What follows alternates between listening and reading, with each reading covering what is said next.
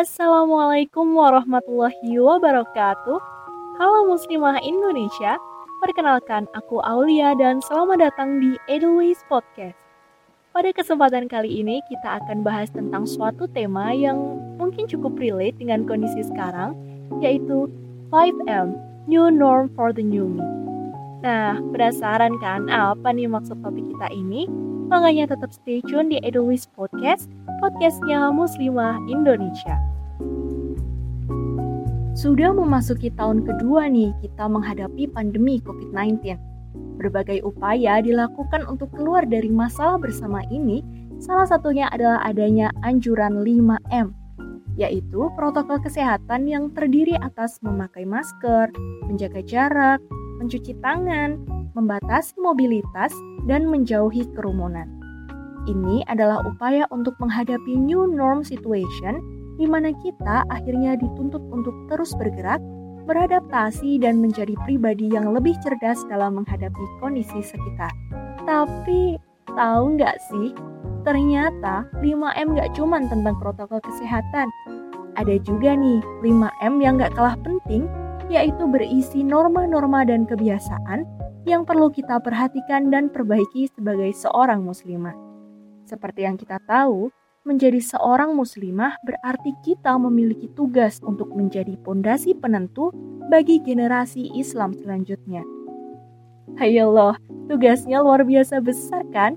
Kira-kira udah siap belum nih kita menghadapi tugas ini? Tenang, tenang, tenang. Ada 5M yang bisa diterapkan untuk menjadi seorang muslimah hebat calon penentu peradaban. M yang pertama adalah mulut. Ada apa sih dengan mulut kita?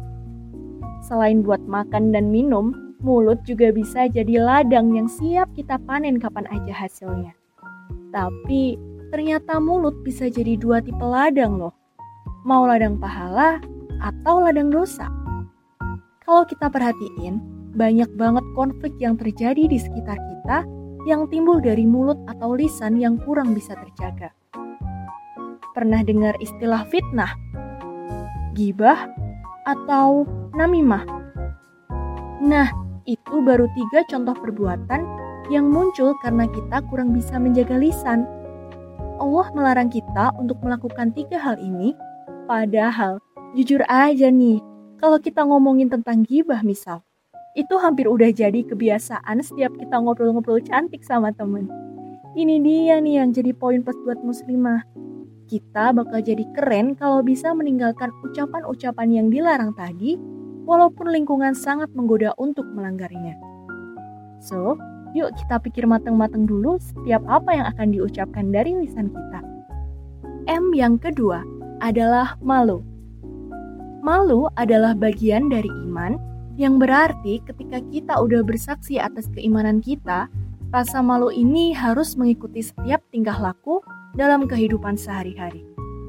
Sebagai seorang muslimah, sudah sepantasnya kita menjunjung rasa malu ini dengan cara tidak melewati batasan yang sudah ditetapkan Allah bagi hambanya.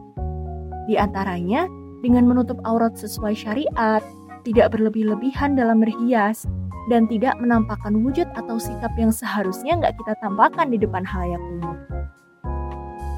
M yang ketiga adalah marah. La takdob walakal jannah. Jangan suka marah bagimu surga. Pernah dengar hadis ini?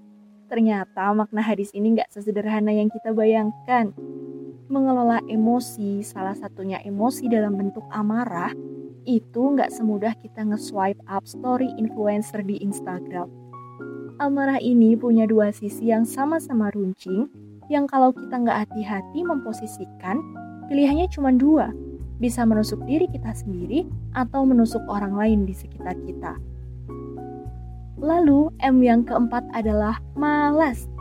Dalam Quran Surat Al-Insyirah ayat 7 disebutkan bahwa maka apabila kamu telah selesai dari suatu urusan, kerjakanlah dengan sungguh-sungguh urusan yang lain. Udah semestinya kita mengoptimalkan waktu yang 24 jam sehari ini untuk menyelesaikan urusan-urusan yang ada dan memanfaatkannya dengan kegiatan yang positif. Jangan coba-coba beri sedikit celah untuk rasa malas hinggap, karena rasa malas ini nggak ada puas-puasnya. Kalau kita menunda pekerjaan niatnya 5 menit aja, bisa jadi pekerjaan itu malah ketunda 5 jam, bahkan 5 hari. Nah, salah satu tips biar kita bisa terus produktif adalah dengan WFH, alias Work From Heart. Berusahalah menghadirkan hati nurani dalam setiap apa yang kita kerjakan. Jika suatu hal dirasa tidak sesuai dengan hati nurani kita, menimbulkan perasaan gak tenang, bahkan perasaan bersalah, bisa jadi itu pertanda bahwa yang kita lakukan gak sesuai aturan yang ditentukan Allah. Dan M yang terakhir adalah melamun. Kalau kata KBBI, melamun berarti merenung dengan pikiran ke mana-mana. Nah, pikiran berlebihan yang suka terlalu acak dan kebablasan memenuhi kepala kita, biasa kita sebut dengan istilah overthinking. Tanpa sadar, ketika kita overthinking, sering kali banyak waktu yang terbuang dan seharusnya bisa kita manfaatkan untuk take action. Selain berakhir nggak produktif, berbagai penelitian juga menunjukkan kalau overthinking dapat berdampak pada kesehatan, baik fisik maupun mental. Nah, buat para muslimah yang sering kena M kelima ini, boleh banget kita tangkal dengan M juga, yaitu mindfulness.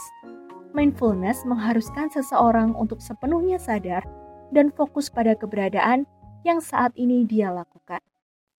So, itu dia tadi 5M, berisi kebiasaan yang harus pandai-pandai dikelola untuk menjadikan kita sebagai seorang muslimah yang lebih baik, lebih produktif, dan pastinya lebih siap untuk mengemban tugas sebagai gerbang penentu bagi generasi muslim-muslimah selanjutnya. Akhir kata, saya Aulia pamit undur diri. Ingat selalu untuk saling mendoakan dan saling mengingatkan, berbenah bersama untuk menjadi insan mulia. Wassalamualaikum warahmatullahi wabarakatuh.